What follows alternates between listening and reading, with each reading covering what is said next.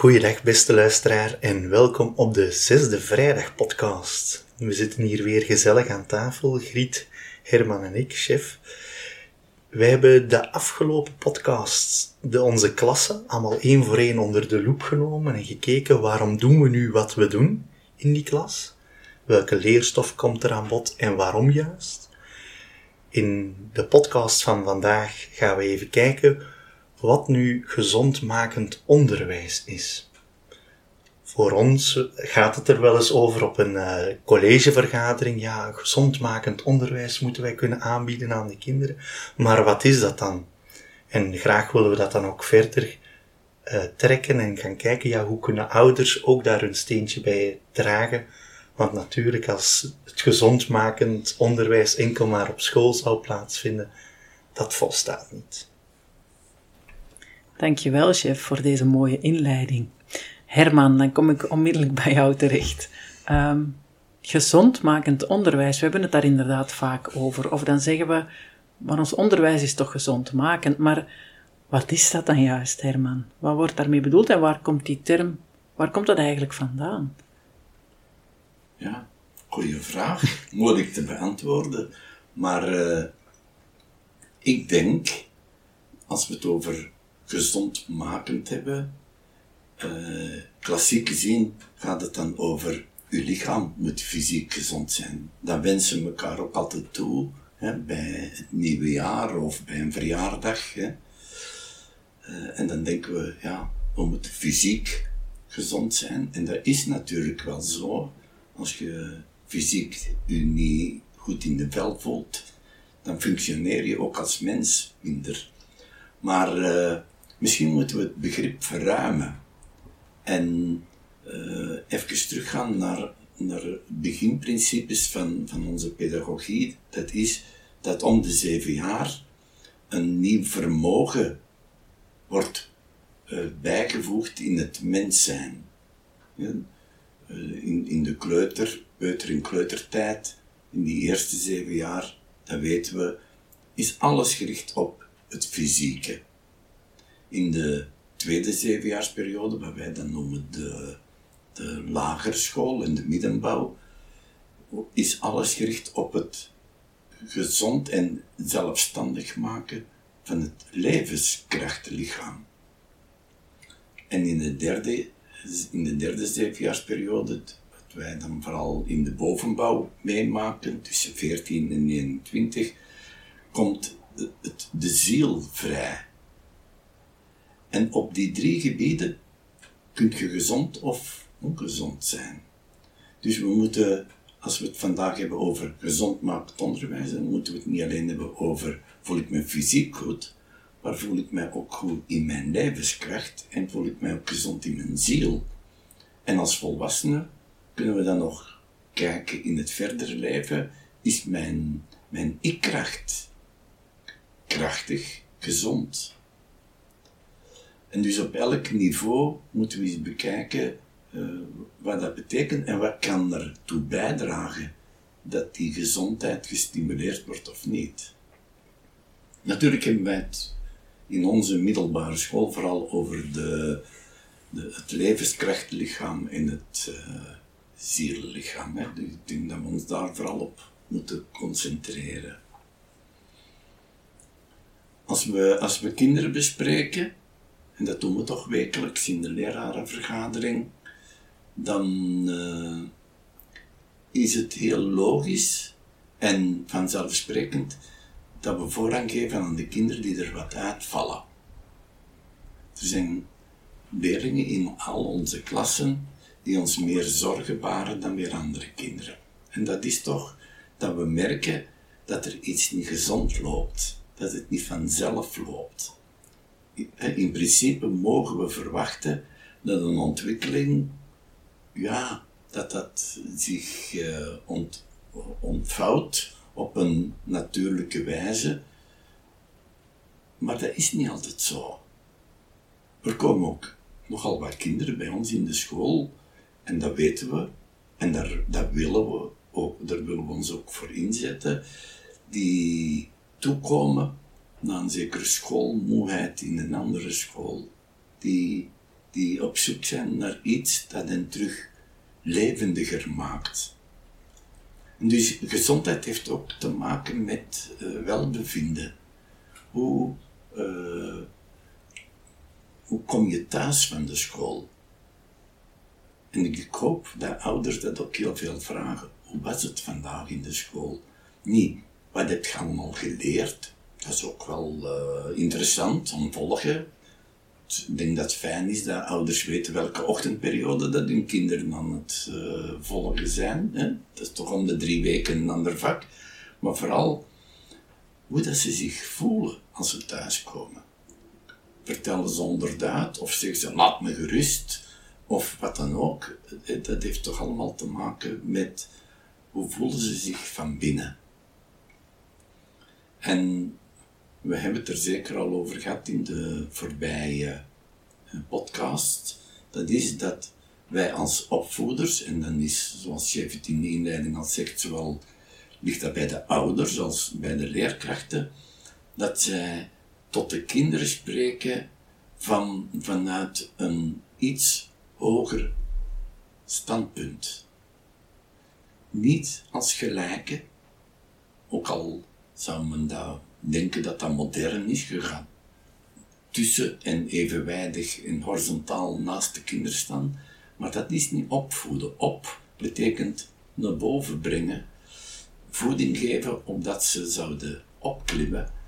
En dan moeten wij vanuit ons uh, opvoederschap uh, hen toespreken en aanvoelen vanuit, vanuit een iets hoger ontwikkeld uh, lichaam of, of, of, gezindheid. Dus dat is volgens mij al, al een eerste zaak. We moeten mikken op de verschillende niveaus van mens zijn. En we moeten als opvoeder altijd weten, wie staat er voor mij?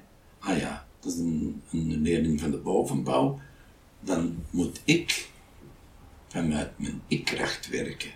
En niet vanuit mijn, niet direct vanuit mijn ziel. Dus dat, dat is toch het eerste dat ik even daarin wil, wil zeggen. Gezondheid is breder dan alleen maar dat fysieke, maar heeft verschillende niveaus. En dan zijn er toch op die verschillende niveaus een aantal dingen die we eens kunnen doornemen. Uh, iets wat ik altijd in mijn loopbaan ontzettend belangrijk heb gevonden, is dat een les, maar ook heel de schooldag en ook heel de school op zich, ritmisch verloopt. Ritme is voor, mij een van de meest gezondmakende elementen in de pedagogie. En dat zou ook thuis zo moeten zijn. Als een dag ook voordat ze vertrekken en nadat ze terug van de school thuiskomen, dat, dat, dat daar een uh, ritme in te herkennen is, dan geeft dat een enorme kracht aan de jongeren en de kinderen.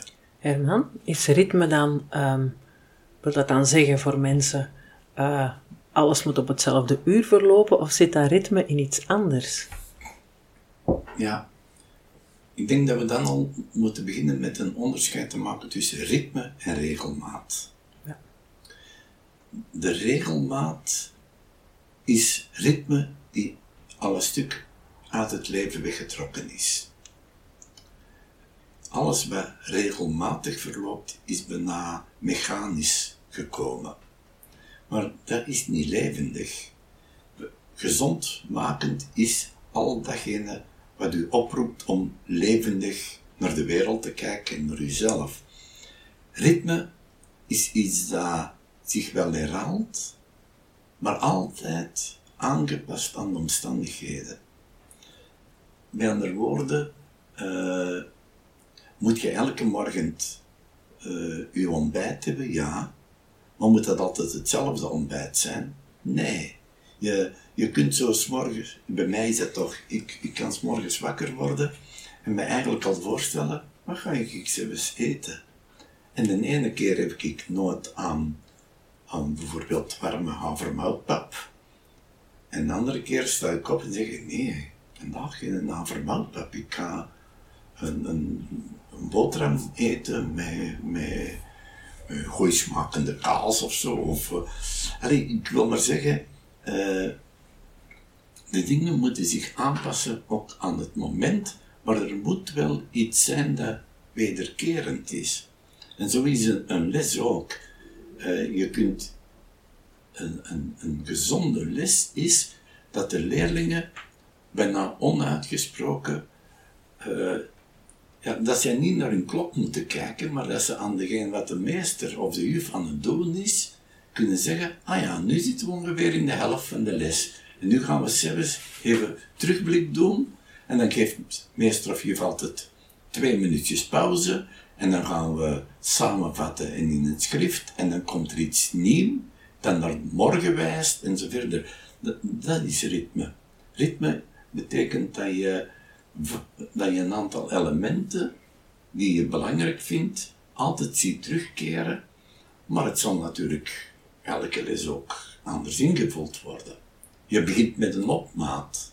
We hebben het er al eens over gehad, over opmaat. Ik weet het eigenlijk niet. Ja, zelfs kort teruggekomen, denk ik. Ja. Ofwel hebben we er al sinds over gehad, Ja. dat we er eens over moeten hebben. Ja. Kan ook. Maar hè, een opmaat is een opwarming van de dag. De kinderen komen van thuis uit, de ene met de fiets, de andere worden met de auto afgezet of komen met de, met de bus of te voet.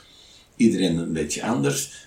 Het enige dat voor iedereen hetzelfde moet zijn, is dat ze voor de, de belsignaal binnen moeten zijn.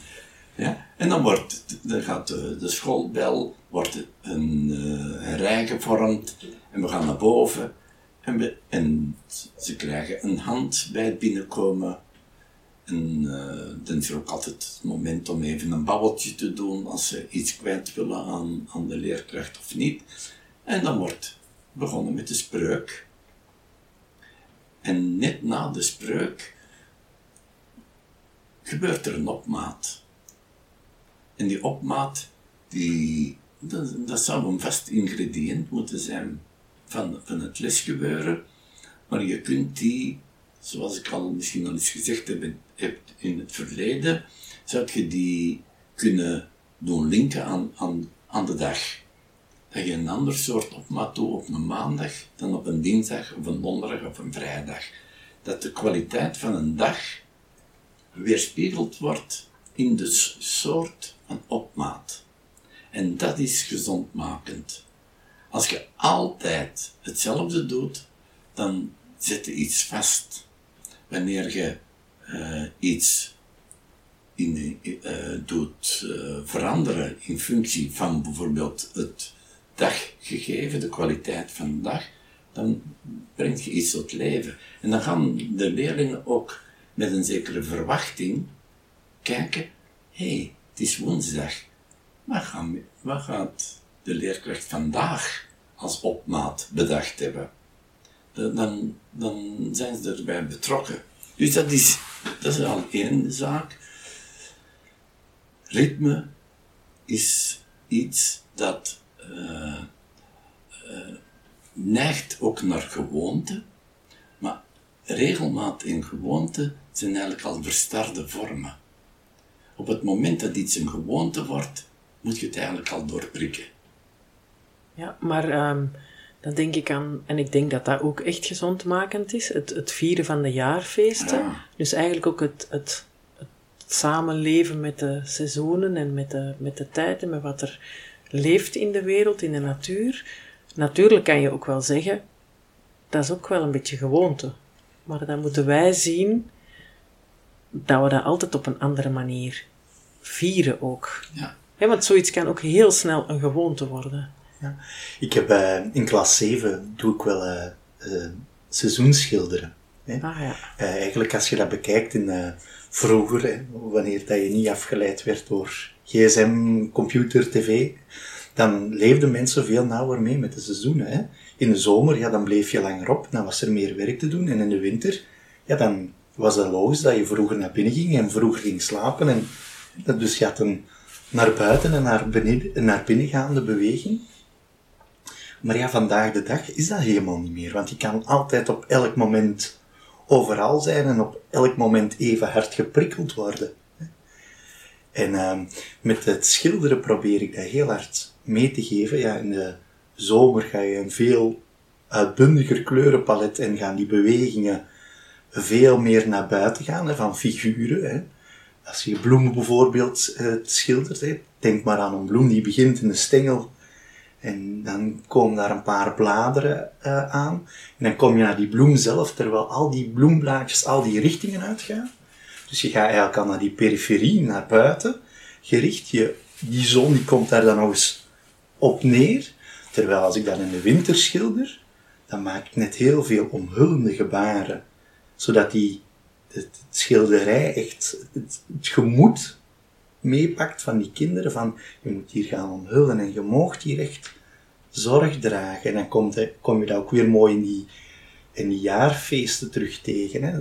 Bijvoorbeeld met Advent, hè, de winterschilderingen, dat is dan echt omhuld. En met Advent ga je eigenlijk ook heel die beweging weer naar binnen toe. Mm -hmm. Maar dat is echt ritme, hè. dat is uh, gebruik maken van het ritme dat ook vanuit de natuur aangeleverd wordt en vanuit de jaarfeesten. En uh, je kunt echt zeggen, uh, werkt het nog wel als het een gewoonte geworden is? Nee. Maar een gewoonte kan tot, tot een rite. Ja, dat, ja. dat woord kennen we ook, rite en ja. ritme. Het zit heel dicht bij elkaar. Het moet iets zijn dat, dat u optilt. En het is natuurlijk zo dat wij elk jaar op 29 september het Michaelsfeest vieren. Maar telkens gaan we toch op zoek, wat gaan we dit jaar aan het accent leggen? Het mag niet zijn, oh ja, die koffers liggen klaar, we hebben ze maar open te doen en uh, we halen eruit en, uh, en, en zelfs de, de, de, dagrooster, dat zit allemaal vast voor de komende jaren, dan werkt het niet meer. Ja. Maar misschien nog iets belangrijks. Uh, ik ben begonnen met te vertellen dat we op vier gebieden werken en de ritmes werken op die vier gebieden. En het bijzondere is, en dan moet je, dat is moeilijk, uh, als, je moet dat echt onderzoeken, maar alles wat je ene keer per jaar altijd met heel veel bewustzijn terugviert, is gezondmakend voor het fysieke lichaam. Dat is het bijzondere. Dus het fysieke lichaam, dat wij altijd uh, als het uh, meest belangrijke lichaam dat gezond moet zijn vooropstellen, wel, dat wordt beïnvloed door de dingen die je elk jaar opnieuw ter hand neemt. En dat zijn de jaarfeesten. Ja. Bijvoorbeeld. Of een verjaardag vieren. Of misschien één keer per jaar naar het kerkhof gaan om opa en oma te groeten. Of je, je, moet er maar eens bij, bij stilstaan. Wat doe je één keer per jaar. En dat met intentie doen. En dan weten we vanuit onze menskunde, dit is gezondmakend voor het fysieke lichaam. Wel bijzonder, hè? En dan heb je, uh, na het fysieke lichaam komt het levenskrachtenlichaam. Hè? Dat is heel dat complex van uh, zaken die dat fysieke lichaam heel de tijd doen ademen, doen uh, bewegen, doen, uh, uh, ook het geheugen zit daarin. doen groeien. Doen groeien, enzovoort. dat zit in het ritme van de maand. Alles wat je in per maand doet, werkt genezend en gezondmakend voor het etherlichaam, voor het levenskrachtlichaam.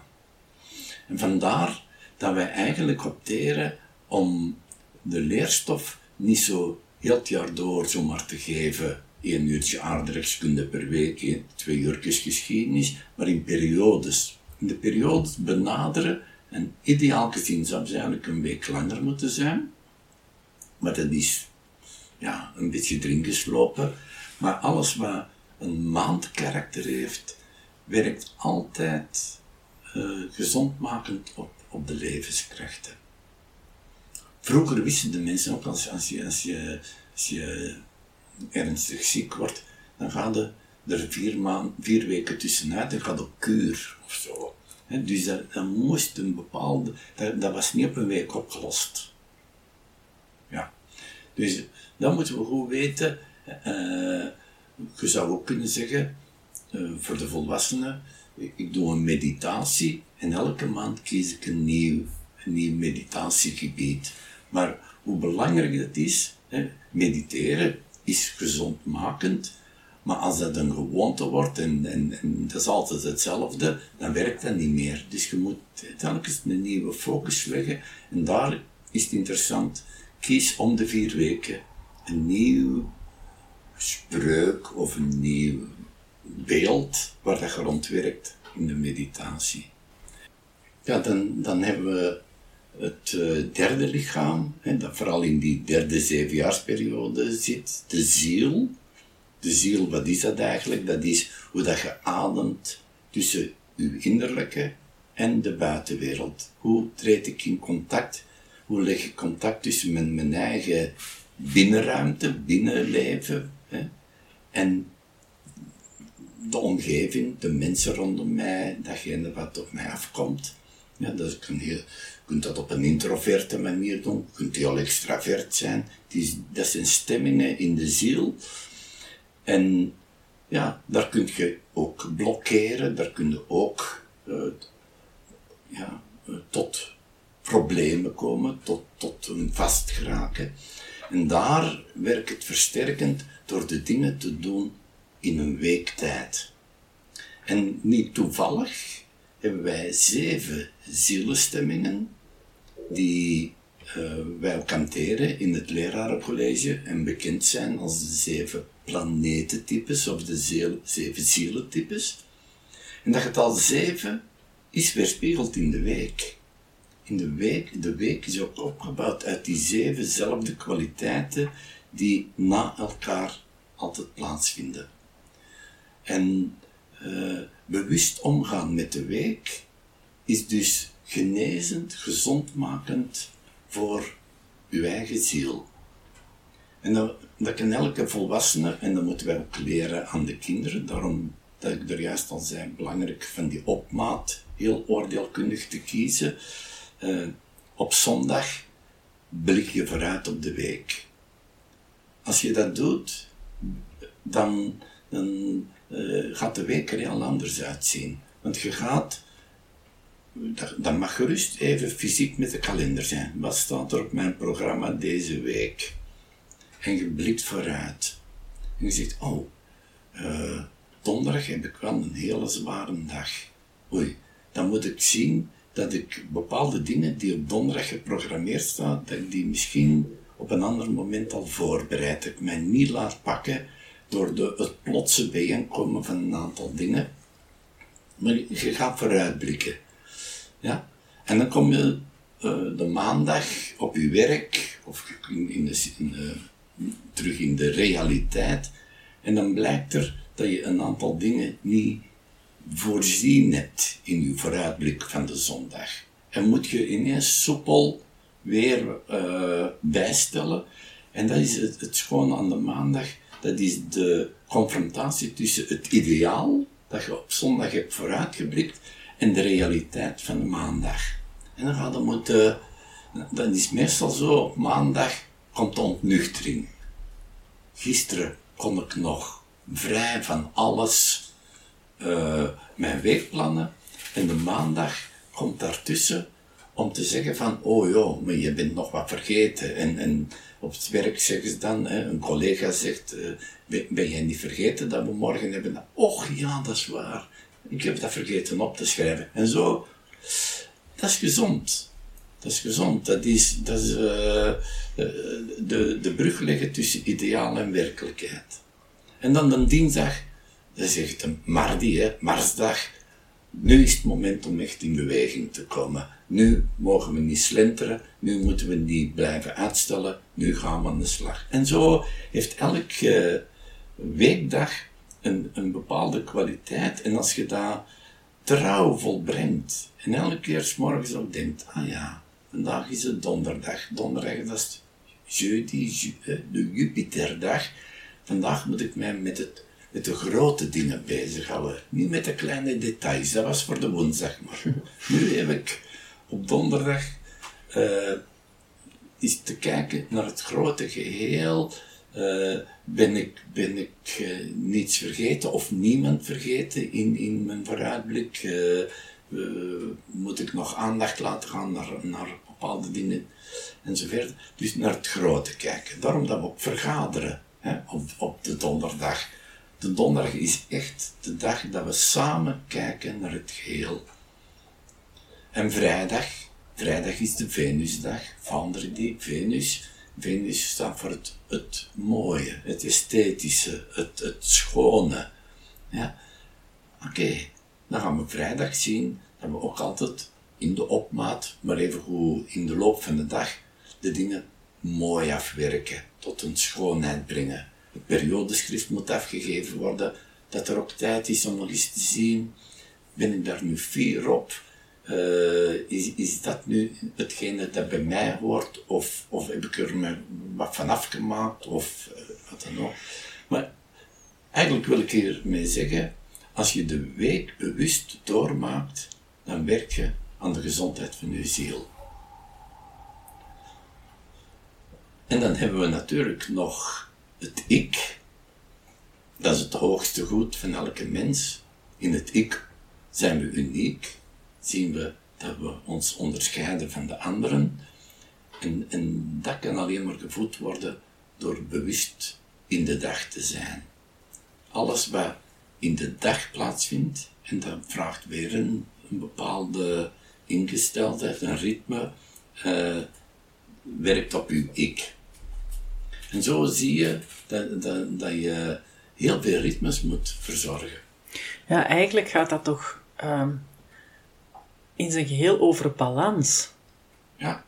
Over altijd de, de, juiste, is dat juist, de balans vinden tussen de dingen. En dingen zullen soms wel eens kunnen overhellen, ja. maar dan terug op zoek gaan naar ja, het midden, waar we dan altijd bij uitkomen.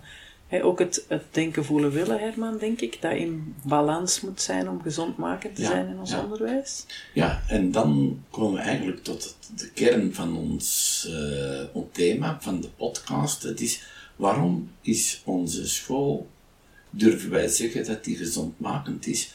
Omdat wij aan die dingen allemaal direct een invulling geven. Wij, uh, en dat, dat is aan ons niet om kritiek te geven op andere onderwijsrichtingen. Hè. Het, zou spijtig zijn moesten we dat doen. Maar we weten wel de kracht van ons eigen. En dat mogen we niet verloochenen. En dat is dat we met ritme omgaan. Dat we in elke dag denken, voelen en willen een plaats geven. Stel je voor dat je een, s morgens om half negen in de school toekomt en dat de ene leerkracht na de andere op uw leerstof afvuurt. Alleen de bel onderbreekt even dat er een wissel is van leerkracht. De volgende leerkracht komt binnen en die begint weer af te vuren. En zo heb je een uur Frans, een uur geschiedenis, een uur aardrijkskunde, uh, twee uur wiskunde, dan nog een uur uh, chemie. En om vier uur, of drie uur of vier uur, gaat de bel en ga je naar huis. Als je zo moet terugkijken op een dag, dan zeg je, ik ben precies een stofzuiger geweest. Ik heb de hele tijd maar stof moeten opzuigen. En dan verwacht men nog dat ik dat verwerkt heb en dat dat mij heeft doen opleven. Ja? We kiezen helemaal voor een andere soort uh, indeling. In elke uh, elke dag moet, er beschouwend onderwijs zijn, moet er handelend en bewegend onderwijs zijn en moet er het kunstzinnig onderwijs zijn. Zelfs nog meer, in elke les proberen we die drie in te brengen. Het is toch fantastisch dat je, dat je weet dat in de, in de geschiedenisles het niet heel de tijd zal zijn, van de eerste tot de laatste minuut, dat de leerkracht maar leerinhouden op je afvuren en dat je maar heel de tijd zit te noteren. Nee, er moet ook een moment zijn van bezinning, van terugblik, van visievorming, van uh, ja, ook eens een uh, luisteren naar een biografie of een tekening maken of iets, wat dan ook, een, kalender van de Azteken. Hè. Ik ben het over rond de Azteken. Dus het, dat, dat is levendig, ademend onderwijs. Dat, dat, dat je als totale mens, je bent een denkend, een voelend en een handelende mens, wel die drie moeten dan ook gevoed worden in de loop van de dag. Ja, en dan zit het er ook in dat je als leraar of als opvoeder, als ouder ook, denk ik, hè, dat je thuis ook wel een beetje zoekt naar dat evenwicht van het, het denken, het voelen, het willen, maar dat je daar bewust uh, mee omgaat als je les voorbereidt, of hoe dat je omgaat met je klas gewoon, als je op schoolreis gaat, alle dingen die wij doen, dat dat altijd opnieuw bewust is. Ja. In het grote schoolgeheel en altijd een laagje oh, kleiner en kleiner, ook gewoon in uw klas en in uw omgang met de leerlingen. Ja. Ik vond het mooi, ik was gisteren uh, op een ouderavond uh, en een van de ouders zei, elke avond na het avondeten hebben wij met heel het gezin een uur gereserveerd. En in dat uur doet iedereen iets kunstzinnig. Mooi. En je mocht kiezen wat. De ene is dan het boetseren, de andere doet, uh, doet iets met muziek en weer iets.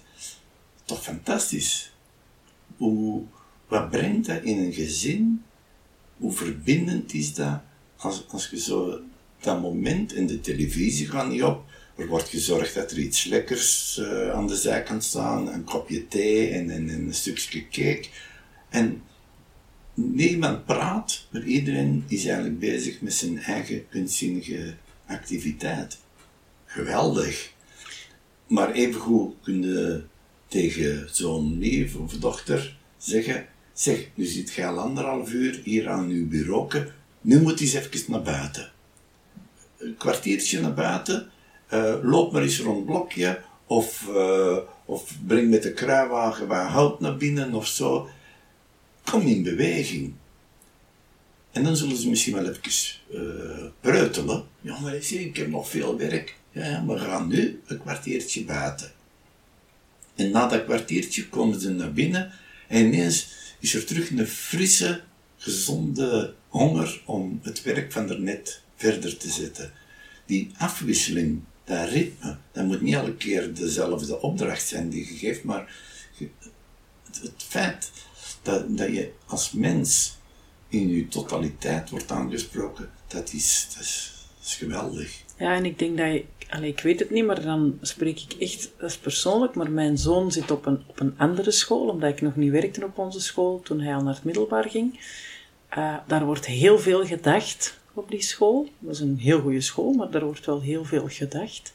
En heel bijzonder hoe hij echt als, als kind en als jongere zelf op zoek is gegaan naar dat evenwicht. Ik vind dat heel bijzonder. Dat lijkt of dat er zo'n oerdrang is, maar die, die speelt elke avond anderhalf uur gitaar en die probeert echt elke avond te gaan joggen of iets fysiek te doen. En die kan echt ongelukkig zijn als hij dat niet kan doen. Dan heeft hij echt het gevoel van, ik heb vandaag niet geleefd of zo.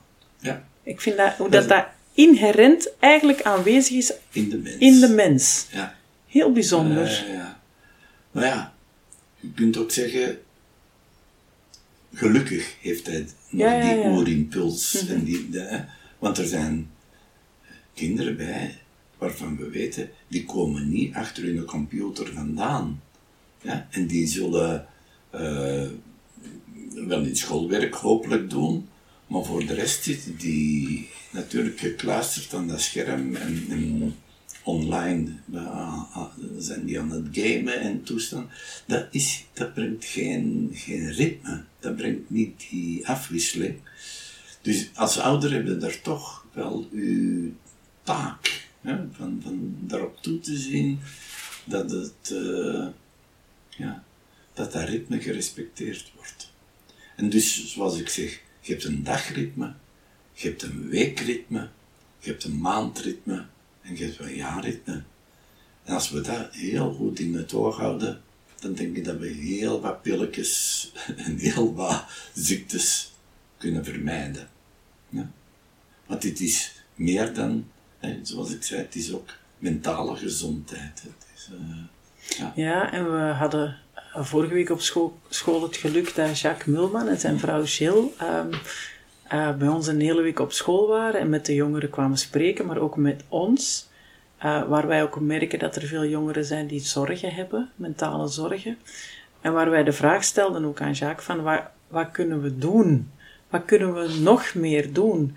Uh, want je zou dan, eh, je zou dan denken, we gaan therapie of eh, therapeutische dingen, maar eigenlijk zei hij ook, nee, hoe zei hij met chef, je moet knijten onderwijs. Je moet gewoon knijten onderwijs geven, waar dat leerlingen ook uh, gezonde beelden krijgen. Waar dat ze ook de zorgen van thuis of van ergens anders even kunnen vergeten. Ja, en dat gebeurt ook wel. Ja, ik heb, dat, is, dat, is, dat is heel fijn. Een van die kinderen van een klas die komt altijd naar me toe, of die komt sinds kort naar me toe voor een gesprekje te hebben. Die zegt, goh, ik zit soms zo met mezelf in de knoop en dan is het school even mijn lichtpunt.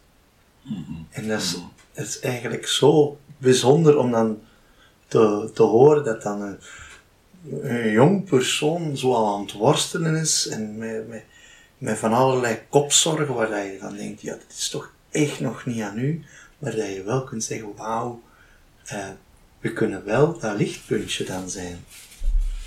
Dat is toch... Ja. En dan, als je dat gewoon als, als school kunt zijn. Ja. Maar zij moeten, zij moeten voorbeelden hebben. Hè? Ja. Zij moeten kunnen navolgen.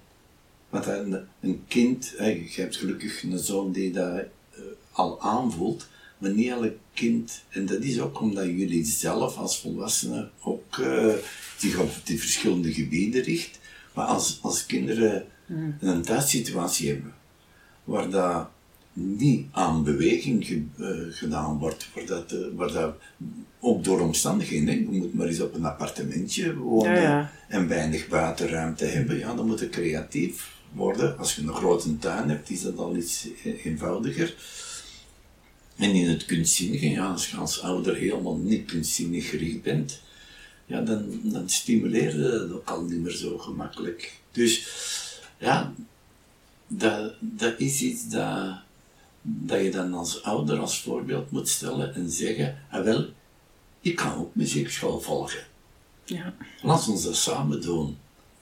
Hoe geweldig is dat niet? Uh, of wat dan ook, hè. je moet maar heel creatief zijn uh, in die dingen.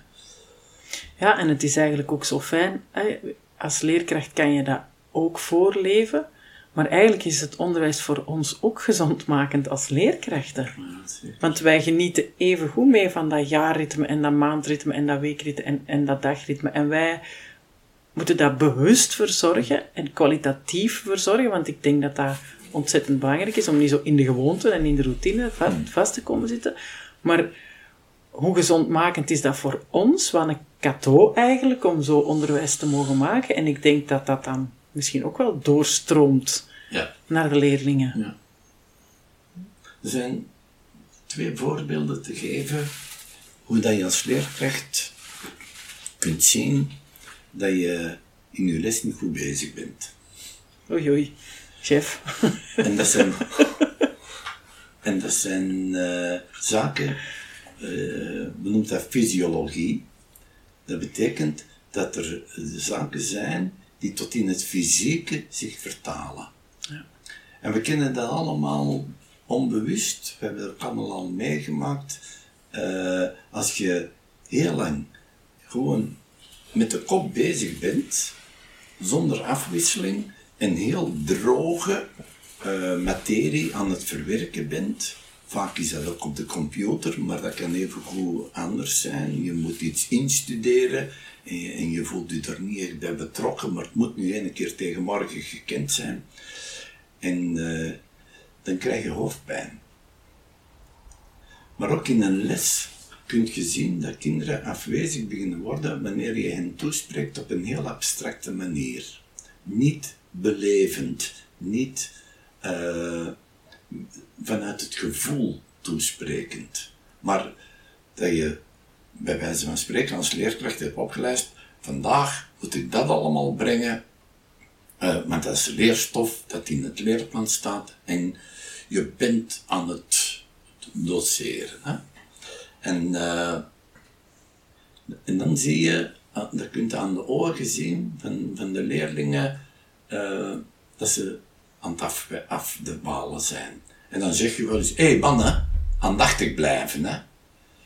Ja, dat is nog erger als je, want dan, dan worden ze eigenlijk gedwongen om die heel abstracte taal, waar dat je uh, voelt dat die leerkracht dat brengt omdat het nu ene keer moet, maar niet omdat die het zo boeiend en zo levendig heeft gemaakt. En we weten vanuit onze menskunde, wat gebeurt er? Er, uh, er worden bepaalde zouten afgezet in de hersenen. Fosforzouten, om juist te zijn. En die fosforzouten, die, die zetten zich vast. En dat zijn kristalletjes. En die beginnen pijn te doen. Dus dat is echt tot in het fysieke. Hè? Dus uh, abstracte leerstof doet fosforzout naar de hersenen brengen en zet zich daar vast in kristalvorm en die drukken tegen de zenuwen en je krijgt hoofdpijn. Als dat, in de, als dat thuis gebeurt, uh, dan ga je slapen, dan lig je wel een tijd wakker, maar uiteindelijk in de slaap lossen die fosforzouten terug op. En als het uh, een beetje meevalt, is dat morgens over, die hoofdpijn, en kunnen we weer een nieuwe dag beginnen. Maar in een les, als je na een uur hoofdpijn begint te krijgen, en er komt nog een uur aan, wat gebeurt er? Die fosforzouten, die worden niet als slapend opgelost, maar die worden nog eens opnieuw gebruikt. En vanuit de menskunde weten we, dat zijn afvalstoffen die je nog eens een keer opnieuw gaat inzetten. Alsof dat je uh, afval terug gaat in de mond nemen om, om zeker te zijn dat je genoeg eten hebt. Uh, om het nu zo te zeggen. Maar hoe belangrijk dat is, dat alles wat je brengt oplosbaar is, verteerbaar is, uh, en dat ze met dankbaarheid naar u zitten te luisteren en dat je meegaat in een enthousiaste stroom. Dat is maar één voorbeeld, maar als je, als je dus ziet dat je hoofdpijn krijgt of dat je anderen hoofdpijn doet krijgen, dan weten, ik, ik ben niet beeldend genoeg, ik ben niet belevend genoeg. Het, eh, wat ik overbreng, dat is puur abstractie. En daar is ons onderwijs niet voor bedoeld. Alles wat te abstract en te theoretisch is, dat kun je even goed thuis lezen. Hè? De, hè?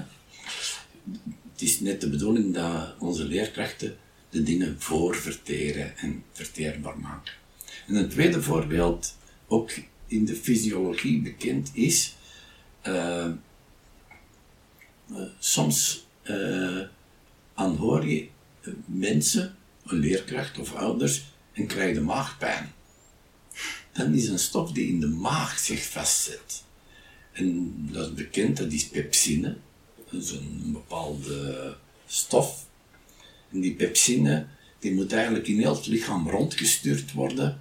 Maar wanneer dat je uh, slaapverwekkende leerstof brengt, dat, dat, dat is nog iets anders dan abstractie, maar zo van zaken, god, dat weten we al lang, dat is de vijfde keer dat ze dat uitleggen. Of, oh, alleen zo leerstof die, die niet begeestert, die, kan ik niet anders zeggen, slaapverwekkend is, dan gaat die pepsine zich in de maag vastzetten, die begint daar voor krampen te zorgen en begint nu te enerveren. de hele tijd denk je, wat zitten wij onze tijd hier te verdoen?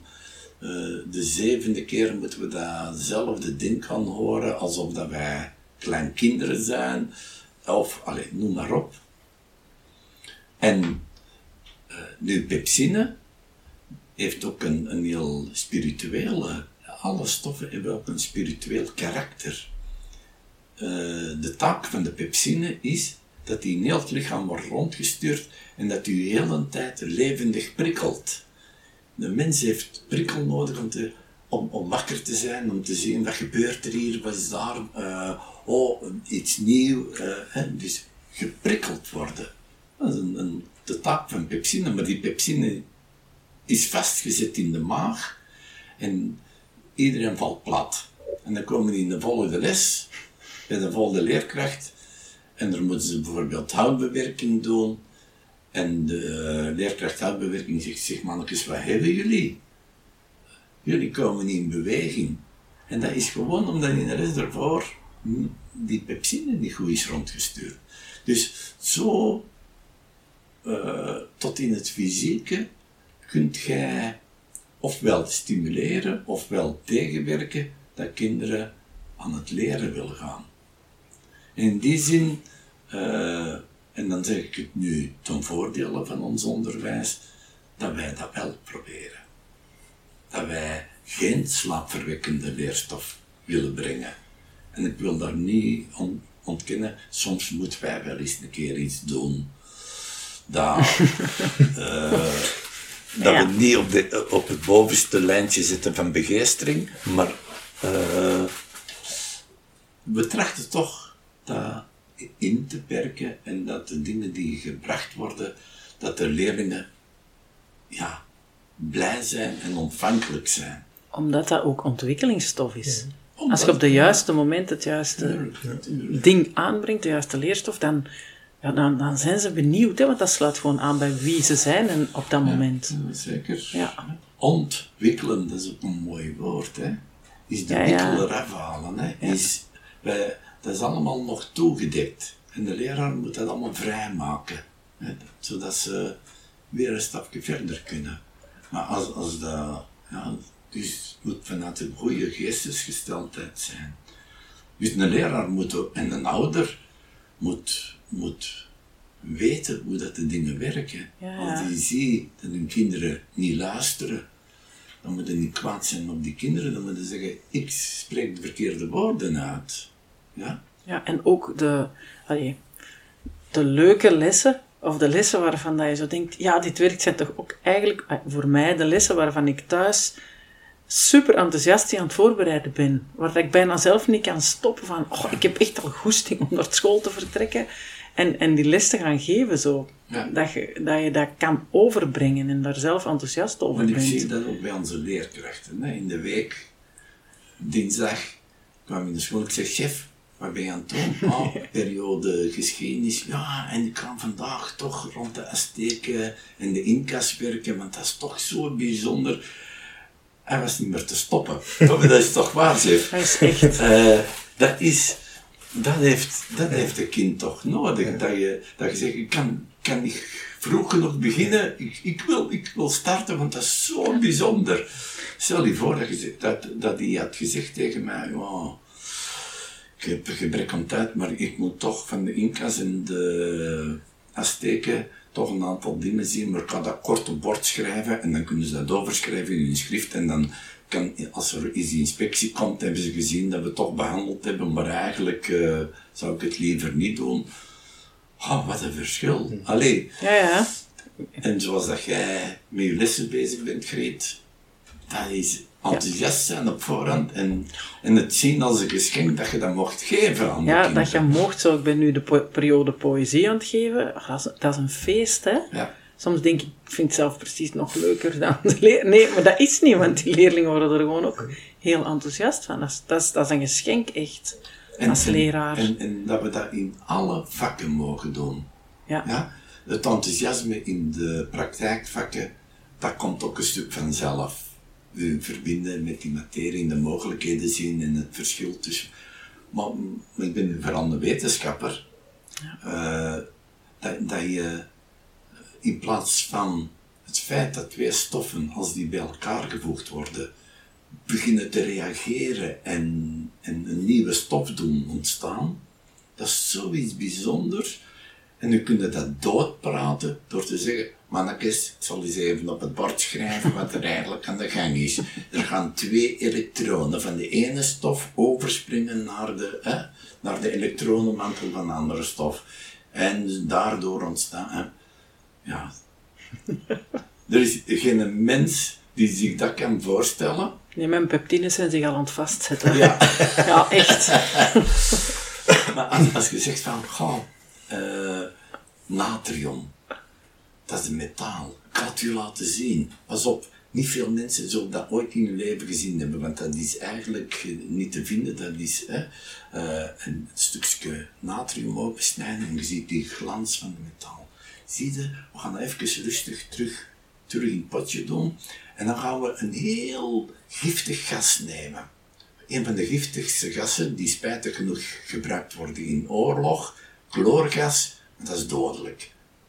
Als, als je chloorgas eh, vrijlaat dat zit, en je ademt dat in, dat trekt alle zuurstof uit je lichaam en je wordt geel-groen van kleur en gestikt en je laat er het leven bij. Twee heel aparte stoffen en die gaan we nu samen in dezelfde gesloten ruimte brengen onder de stolp en zien, en wat ontstaat er? Keukenzout. Ja. Iets dat we, hè, natrium, je zou het niet graag in je lichaam willen. Chloor, zeker niet.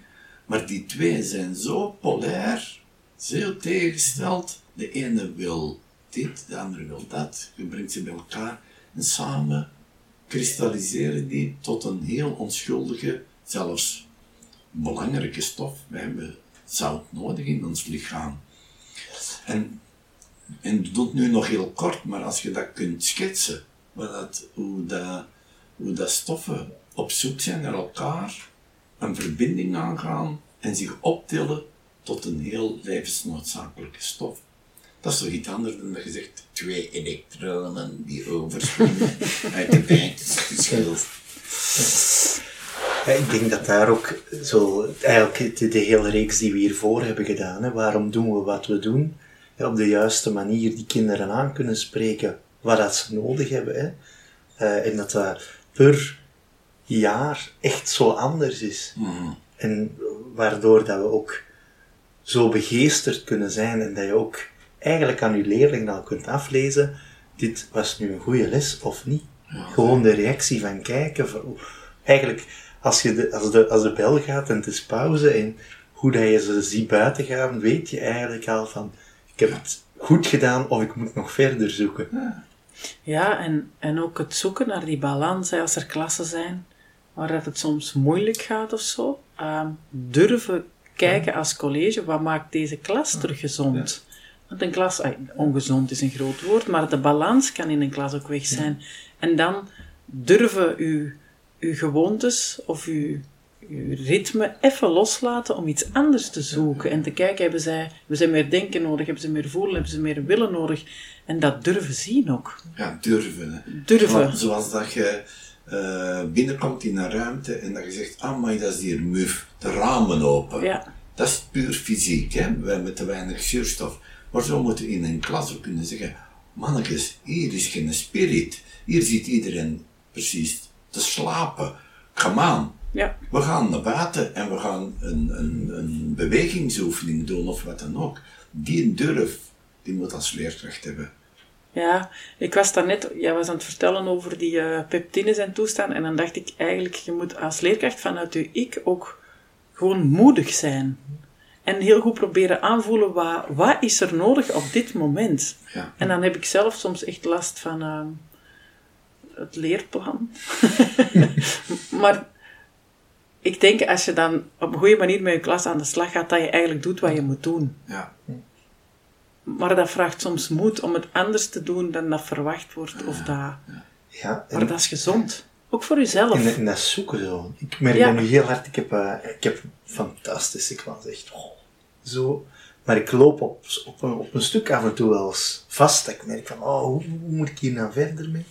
En als je daar dan mee in gesprek kunt gaan op, op onze vergadering, hè, de donderdagvergadering voor de grootste dingen, eh, ja, dat- dan ga je weer zoeken en dan merk je soms van wat, wat, eh, wat een rijkdom dat dat kan zijn door iemand die vanuit een ander perspectief kan kijken dan jezelf. Nog een element waar ik aan dacht, is eh, hoe belangrijk dat is dat elk kind niet alleen leerstof krijgt, maar ook gezien wordt. Ja. En eigenlijk zouden we, maar dat is ook als ouder, hè. En Je kunt zo in het automatisme zitten en ze komen van de school en ofwel ben je al thuis, ofwel kom je iets later thuis, maar dat eh, het zo vanzelfsprekend is dat je binnenkomt en dat je zelfs weinig of geen woorden tegen, maar dat je tijd maakt voor elkaar en in gesprek gaat. En ik vind het al een heel bijzonder moment dat wij als leerkracht eh, de leerling niet laten binnenstormen in de klas, maar dat wij er eerst zijn en dat wij elk kind in de ogen kijken, een, uh, een goede morgen zeggen of een goede middag. En als je voelt dat er iets is dat je zegt, en, gaat het met jou? Allee, je zou je bijna moeten uh, opleggen, ik moet elke dag met elke leerling even contact hebben gehad. Dus dat, dat heel menselijk verbindende, dat is ook fantastisch. En wat ermee samenhangt is, denk ik, of ik heb mij altijd voorgenomen, ik wil elke leerling ook in de toekomst, als ik die binnen 10, 15 of 20 jaar tegenkom, recht in de ogen kunnen kijken en het gevoel hebben, wij met samen zijn wij de weg gegaan en het was goed met elkaar. Ja. En daarmee wil ik eigenlijk uitdrukken dat ons onderwijs gericht is op de toekomst en niet op het verleden. Wij moeten iedereen, elk kind laten aanvoelen dat ze uniek zijn en dat ze een belangrijke taak te vervullen gaan krijgen. Dat, dat, dat ze het gevoel hebben, ik mag er zijn en ik ben belangrijk voor de samenleving. En dat moet niet met die woorden uitgesproken worden, want dat is, uh, ik denk niet dat dat zou werken. Maar in ons binnenste moeten wij altijd uh, ja, aanvoelen en, en, en dat plaats voor maken.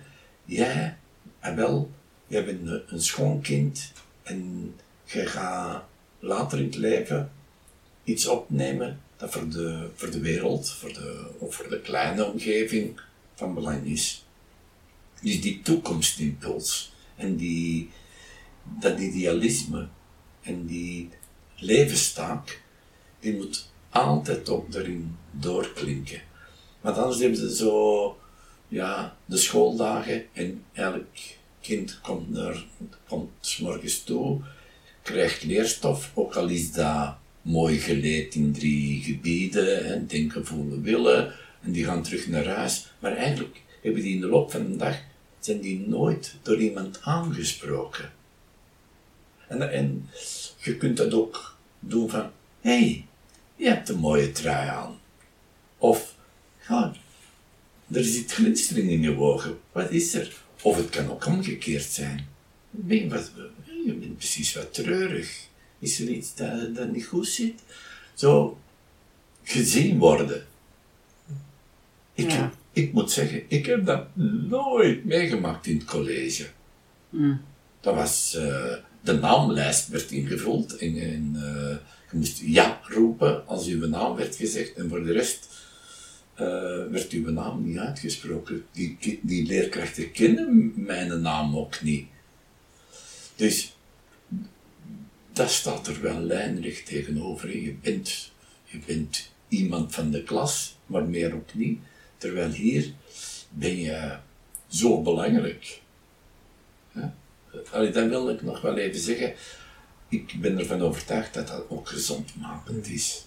Van gezien te zijn. Dat is ook al zo'n goede indica- indicator van hoe dat je aan de slag moet gaan, vind ik. Ja. Als je zo de, je begroet zo'n kind en je kijkt hij in de ogen en je ziet al een bepaalde vraag, en waar je zegt, hoe, hoe gaat het? Hè? Dat je al kunt zeggen van, oh, het is al een lastige dag geweest. Ja. En dat je, dat geeft eens nog zo hard de vraag aan u van, eh, doe hier iets mee, help me even eruit, of licht me even op. Eh, dat ik niet verder die dag lastig moet doorkloeteren. Ja. Ja, en het kan ook zijn dat je zegt: Hé hey, meisje, sorry voor gisteren. Wat ik gezegd heb, Ja. we achteraf gezien, ik had dat niet mogen zeggen. mijn excuses hiervoor. Want wij doen altijd alsof de, misschien laten we doorklinken dat wij zo de ideale opvoeders zijn, maar dat zijn wij niet. Wij maken ook fouten, wij, wij doen ook uitschuivers. En dat durven toegeven, dat is ook een opvoedende kracht. Dus, uh, of, of is, uh, ja, ook kunnen verdragen dat ze iets heel onhebbelijk zijn. Ja. En uh, misschien woorden hebben uitgesproken dat je furieus zou zijn. En terecht soms furieus. Hè? Je wil niet dat er gescholden wordt. Maar dat je dat dan toch op zulke manier doet dat er toekomst is. Van, hé, hey, maar zo wil ik eigenlijk niet worden toegesproken. Dat vind ik niet fijn. Ik hoop dat je dat begrijpt. Ja? Allee, goed, het is gebeurd. We gaan er nu geen zaak van maken. Maar ik hoop wel dat je begrijpt dat ik dat niet prettig heb gevonden. Zo op een rustige manier. En dan zullen ze ook wel goed weten, ja, ben, ben er ook inderdaad uh, te ver gegaan in mijn, in mijn taalgebruik. Uh, maar ik moet daar, uh, ja, moet daar gewoon op letten. Ja, en hoe, hoe bijzonder is het ook dat iemand elke ochtend de tijd neemt om u echt een goede morgen te wensen. En als je naar huis gaat, om u nog een goede dag te wensen. Ik, hoop dan ook altijd dat ze dat in hun dag ook kunnen meenemen. Mhm. Dat ze belangrijk genoeg zijn om, ja, om die goede dag en, en om dat gebaar te krijgen. Zo. Ja. En als je een afspraak maakt onderling, als leerkracht naar een leerling, dat je er ook op terugkomt. Dat, je, dat het niet zo is van, ja, wij hebben wel afgesproken van dit of dat, maar achteraf kom je er niet op terug. Dus dat je ook consequent bent. Zowel in het, in het strenge als in het uh, aanmoedigende. Ja. Nog een puntje dat me zo net te binnen schoot, eh, waar toch ook wel heel uh, belangrijk is en toch ook wel heel kenmerkend is aan de school, is dat wij de ouders ook op een jaar of op een schooljaar meerdere malen uitnodigen in vooral een gezamenlijke ouderavond hè, per klas, waarin uh, er in de klas wordt verteld aan de ouders hoe, hoe is het nu in deze klas?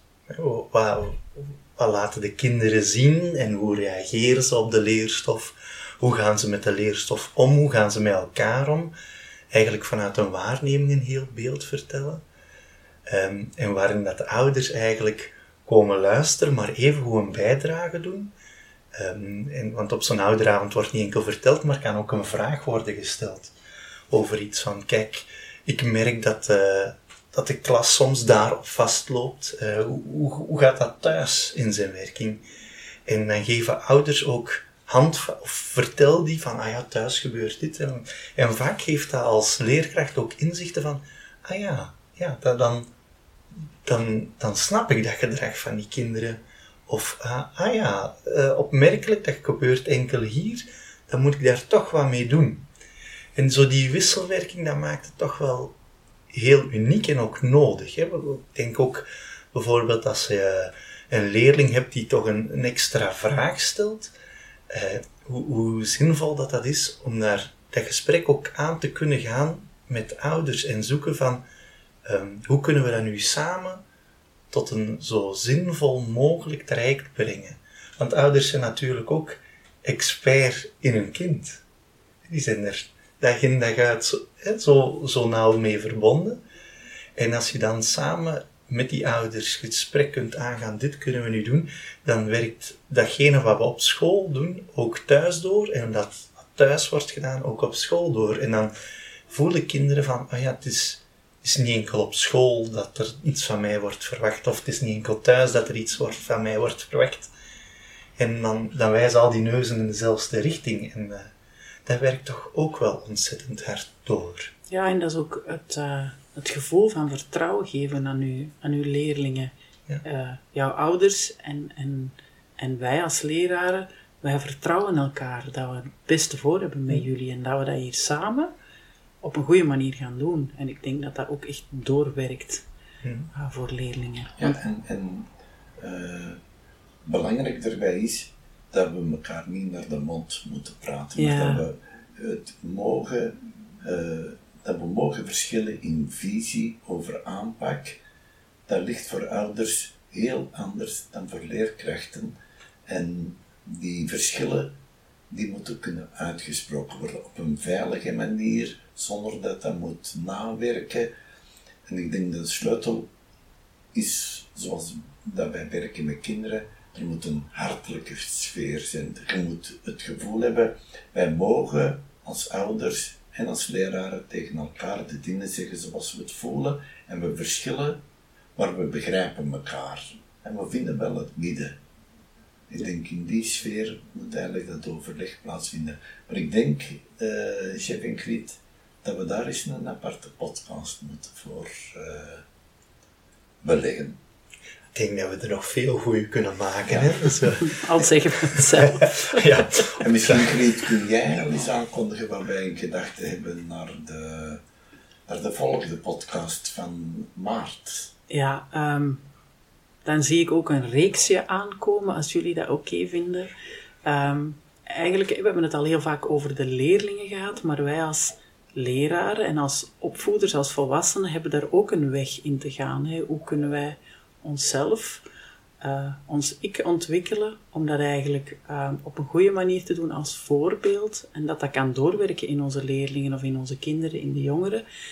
En dan gaan we uh, volgende keer starten we dan eigenlijk om te kijken naar hoe werkt je eigen biografie door. Um, hoe kan jouw biografie jouw dingen vertellen, dingen leren, um, om, om jezelf nog, nog te ontwikkelen, um, wat alleen maar ten goede kan komen van jezelf als ouder of als leraar. Dus beste luisteraar, dank je wel om weer een uurtje bij ons te zijn. En wij kijken al uit naar de volgende keer. Dankjewel. Uh,